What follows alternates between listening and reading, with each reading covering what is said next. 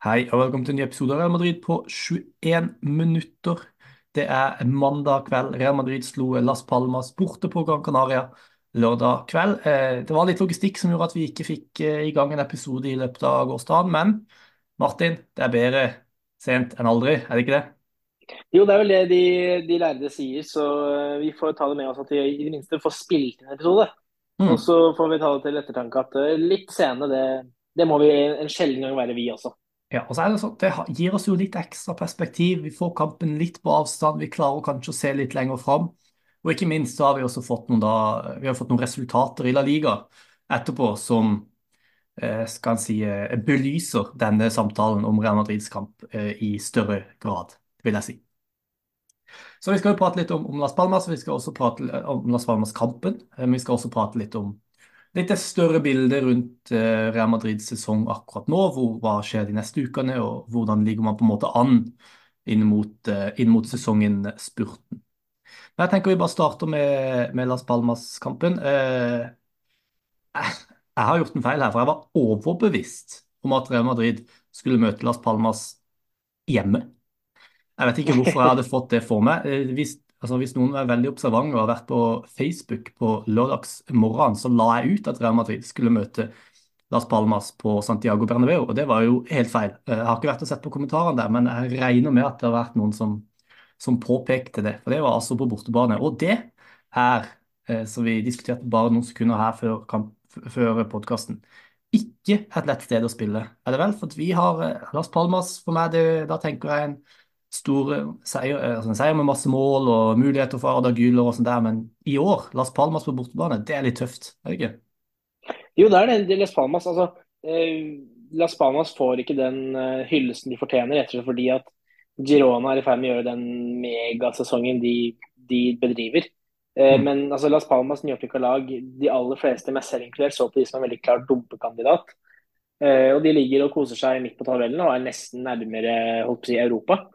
Uh, og har Åssen var det her, da? Jeg vet at de hadde tapt to kamper hjemme før denne sesongen. I begge de to kampene, jeg tror det var både Atletico Madrid og Barcelona, uh, i begge de to kampene så hadde liksom den avgjørende skåringen kommet helt i sluttsekundene. Mm. Og da liksom var uh, utur da, som gjorde at de ikke fikk, um, fikk med seg tre poeng der. Eller i hvert, hvert fall ett med det. Ja. Så det at Madrid egentlig da, når de i tillegg kommer bakpå, klarer å snu den kampen her og til syvende og sist egentlig ria stormen veldig godt og måtte gjennomføre en veldig sånn profesjonell kamp. Det, det, er en større prestasjon enn det skåringstavla Real Madrid 2 Las Palmas 1 eh, isolert sett tilsier. Ja, for, for, du er jo inne på dette her var en kamp hvor Real Madrid eh, sleit. Vi har sett et Real Madrid-lag de siste ukene som, som, sliter litt. Og når man da kommer under mot eh, et av de beste defensive lagene i La Liga, litt ut i andre omgang så, så begynner man jo å bli litt bekymra. Eh, men så kommer de altså tilbake og snur kampen, som vi har blitt så vant til å se. Kanskje vi burde vite bedre på dette tidspunktet, men jeg må innrømme det at et, et punkt der så, så, var jeg litt stressa. Og en annen ting som vi har, vi har nevnt litt i denne podkasten de siste ukene, det er at jeg syns at man, man, åpenbart ser et Real Madrid-lag som nå er nede i denne legendariske, velkjente Pintus-dippen. Hvor man eh, i eh, månedsskiftet januar-februar sliter med å eh, opprettholde den intensiteten som man har andre deler av sesongen. At man rett og slett ser litt sånn, ser litt sånn slitne ut.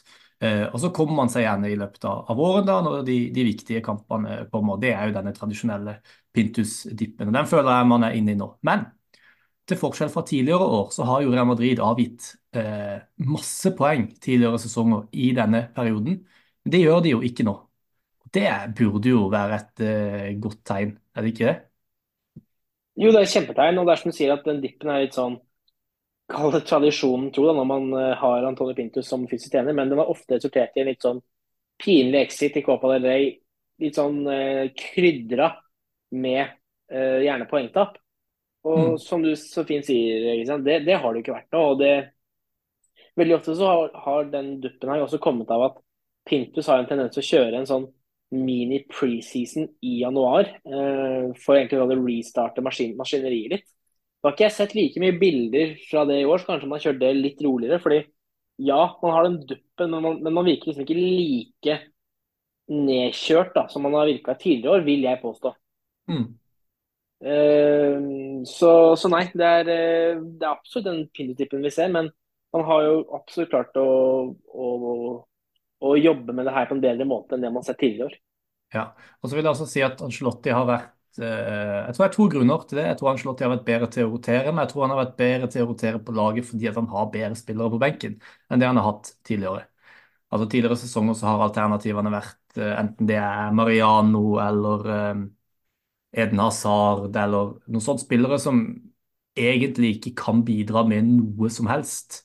Eh, men nå er det, liksom, det er Brahim Diaz som absolutt er en fantastisk fotballspiller, selv om han hadde en, en litt svak kamp nå da, mot Las Palmas.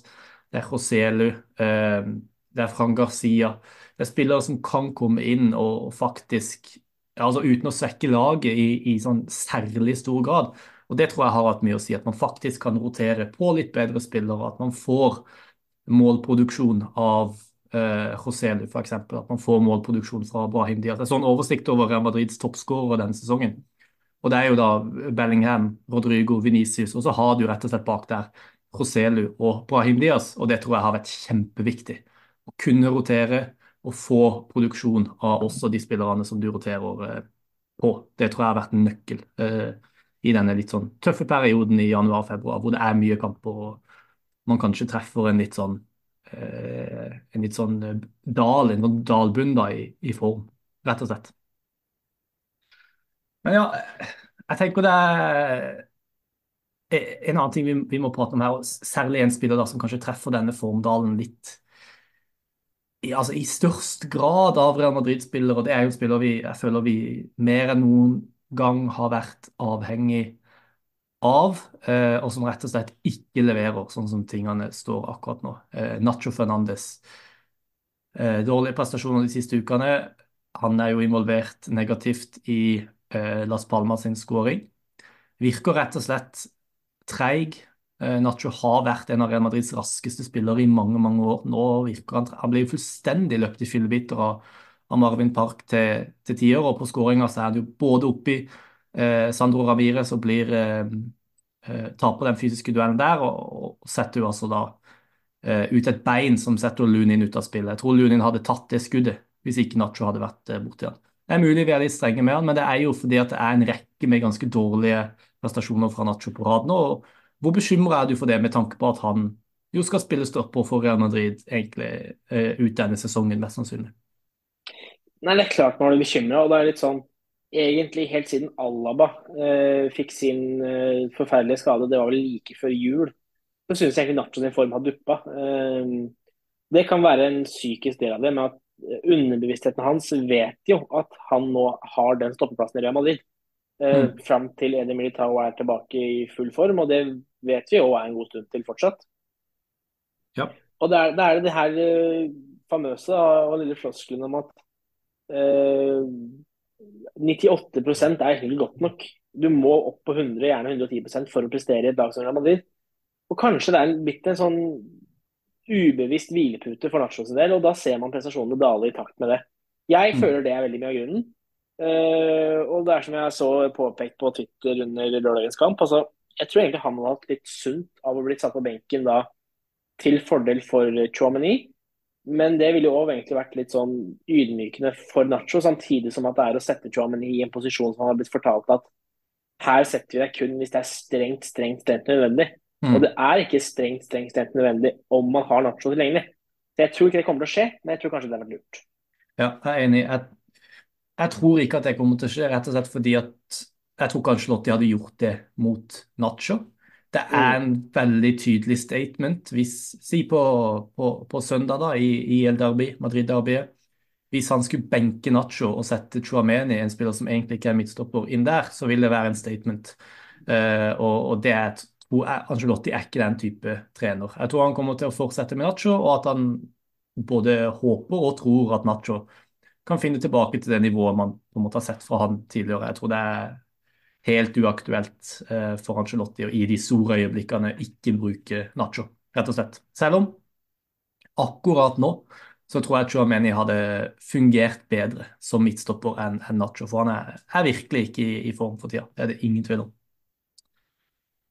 Men eh, Real Madrid klarte jo til tross for dette da, å, å snu denne kampen, mye takket være eh, spillere som Eduardo Camavinga, som spilte en god kamp. Tony Kroos, helt fantastisk kamp av, av Tony Kroos. Eh, og nevnte da Chuameni, som, som heada ballen i mål. Vinicius, litt det man får av Vinicius. Litt rare ting. Eh, litt rare avslutninger. Og så viser han bare den, den klassespilleren han er, med, med, en fantastisk avslutning, som, som jo utligner. Og dette, altså, da, da, dette resultatet kom, eh, veldig veldig godt eh, resultat selvfølgelig for Real det er et viktig resultat. Og så har vi jo også det at eh, Barcelona jo da tapte mot Villarreal på hjemmebane senere den kvelden, som gjør at Barcelona nå er ti poeng bak eh, Real Madrid. Eh, så er det jo sånn at det viser seg jo at Real Madrids argeste rival, om du vil, for ligatittelen denne sesongen ikke er verken Barcelona eller Atletico Madrid, men faktisk eh, Girona. Hvordan ser du på, på ligaen sånn som man utvikler seg nå? Real Madrid møter altså Atletico Madrid på søndag, og så møter de Girona helga etter. Barcelona er ti poeng bak, som sagt. Atletico Madrid er vel også ti poeng bak, om ikke jeg husker helt feil. Stemmer, stemmer. Uh, jeg har ikke lyst til å si at Real Madrid kan avgjøre ligaen de neste ukene, for det, det kan de ikke. Hvis de slår Girona, så er det fortsatt bare uh, fire poeng det er snakk om. Så hvordan ser du på de, de, neste ukene, og hvor mye tror du det kan bety for liksom, slutten av denne ligasesongen? Jeg, jeg, leste en ting før forrige helikskamp kamp mot Almeria, og det var at Ancelotti mente at neste fem kampene kom til å avgjøre sesongen. Så tenkte jeg ikke noe mer over det, fram til jeg så det uhorvelig sterke laget han sendte utpå mot Almeria. Og Det er én kamp i det her kjøret du glemmer, Christian. og Det er hengekampen mot Chetaffe, som spilles først kommende torsdag. Mm, på bortebane. På bortebane. Og Det er en kamp man, uh, man holdt på å si harde igjen uh, etter man var i Supercopaen. Og hvis man skulle vinne den, så vil man ligge to poeng foran Girona. Mm. Uh, og så har man jo kampene om Atletico Madrid og Girona. Og jeg er på en måte enig i det avisoppslaget jeg så, som nemlig var det at hvis Real Madrid nå slår Hetafe, Atletico Madrid og Girona, så skal jeg ikke si jeg begynner å føle meg trygg, men da har man bygd seg opp en utrolig fallhøyde dersom det ikke skulle bli seriegull til den mm. hvite delen av Madrid. Ja. Det vil jeg føle meg så sikker på å kunne si. Uh, men man vet aldri, og større under har skjedd. Men sånn ja. ting ser ut nå, så har Madrid Eh, bygd seg opp en veldig kald, fin buffer.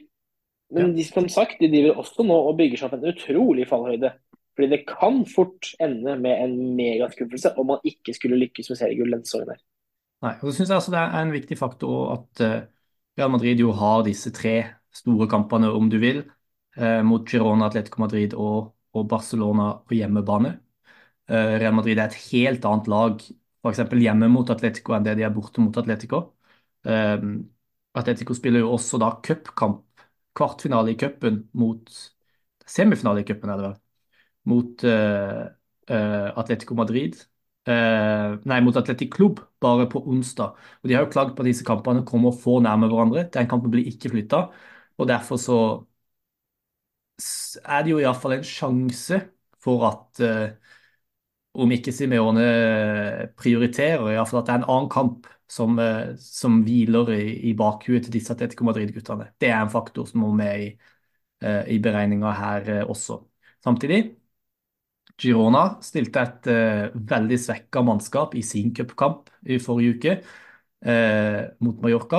Antageligvis da for å liksom være ganske tydelig på at det er, det er La Liga man har lyst til å prøve å gå for. Så hvis det blir Eh, fem poeng ned til Girona etter disse, etter disse kampene her, så, så, tar man jo et steg i riktig retning. Og så har vi hele, hele denne sesongen sagt hvor holdbart er det det Girona driver med? Hvor lenge kan de holde på med dette her?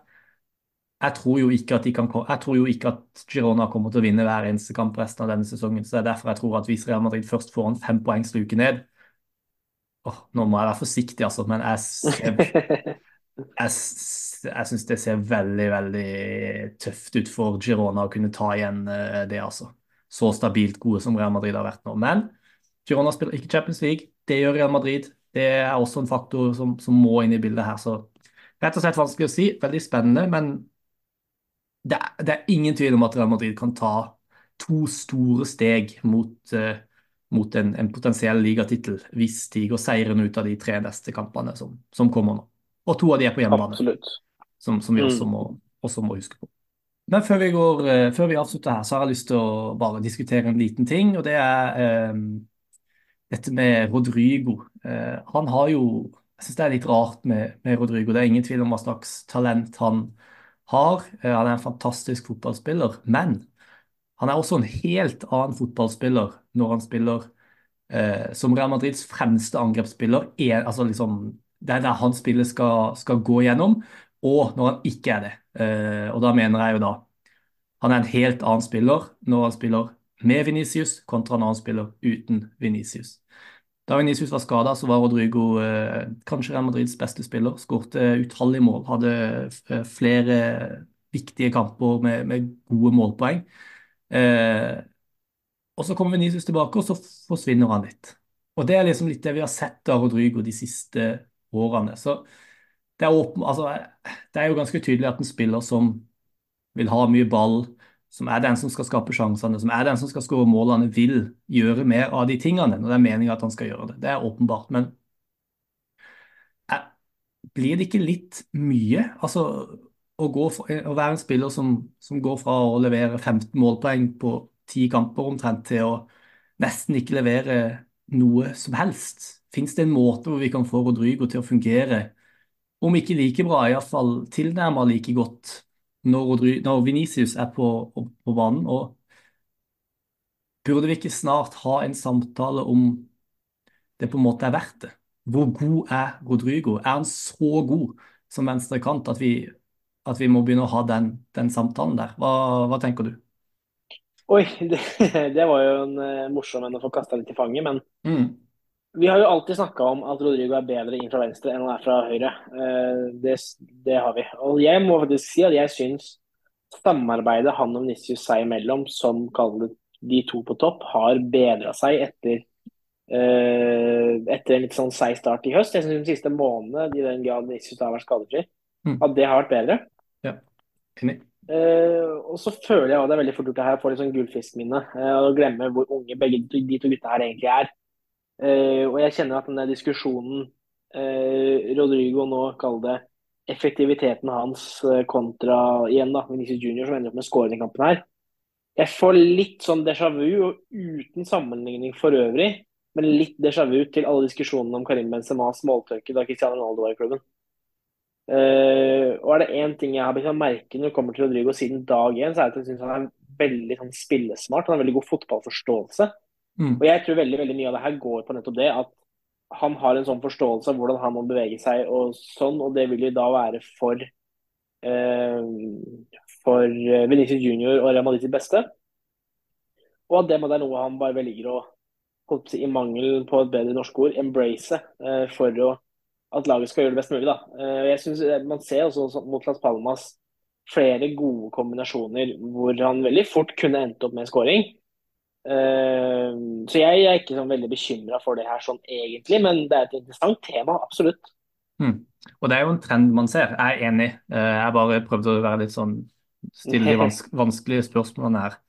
Og jeg, jeg tror jo at det er et samspill som, som kommer til å fungere bedre og bedre. Og en annen viktig ting å huske på med den Las Palmas-kampen, er at eh, Jude Bellingham jo ikke spilte, som har vært en veldig viktig del av å på en måte sette sammen det angrepet da, eh, Mm. denne sesongen. Eh, som jo da ikke var der nå. Men jeg syns allikevel at det er, det er litt sånn bemerkningsverdig at, at eh, det er så stor forskjell i hans prestasjoner når han spiller med Vinicius kontra når han spiller uten. og det, kanskje, særlig, kanskje særlig denne sesongen, da. Men så hadde Så- du, det er ikke mange uker siden vi satt her etter Barcelona-kampen og egentlig hylla begge to. og Da satt jo samarbeidet Mm. ekstremt godt. Og så diskuterte vi da kanskje var det egentlig Barcelona som gjorde ting litt for enkelt for Real Madrid. Det kan godt være. Men uh, det er liksom viktig å huske det også. Og så syns jeg også at det er viktig å påpeke, og det her husker jeg at jeg snakka veldig mye om i høst. Litt den der Når man har lagt opp hele formasjonen etter Jude Bellingham, så gjør man seg også veldig avhengig av han. Det syns jeg egentlig også man så nå mot Espalmas, at når han da var borte, så det var veldig lugg i maskineriet den første gangen der. Det må jeg absolutt si. Mm. Ja, nei, vi får se hvordan det utvikler seg. Jeg har jo stor tro på at det, den trioen på topp der kommer til å, til å lykkes som bare det, og kanskje til og med gjøre såpass store ting denne sesongen som å, som å vinne en ligatittel. Det hadde jo vært vanvittig imponerende ut ifra de forutsetningene vi, vi hadde på begynnelsen av sesongen. Men eh, det er noe å bite seg merke i, altså. Rodrigo eh, Antallet målpoeng går åpenbart ned når Venicius ikke er på banen. Og Så spørs det jo om det er naturlig. eh, Det er bare sånn det er når man har en annen eh, som fremste målskårer, eller om det, om det er noe mer der. Han trives jo åpenbart bedre på venstresida. Det tror jeg ikke det er noe tvil om. Eh, Så, så interessant. Nei, jeg tror kanskje vi, vi gir oss der. Takk for at du var med i dag, Martin. Det var helt strålende. Som alltid, Kristian. en sann glede. Ja, Så kommer jo kampene litt på, på løpende bånd her. Kamp på, på torsdag mot uh, Retafe, og så den store kampen, da.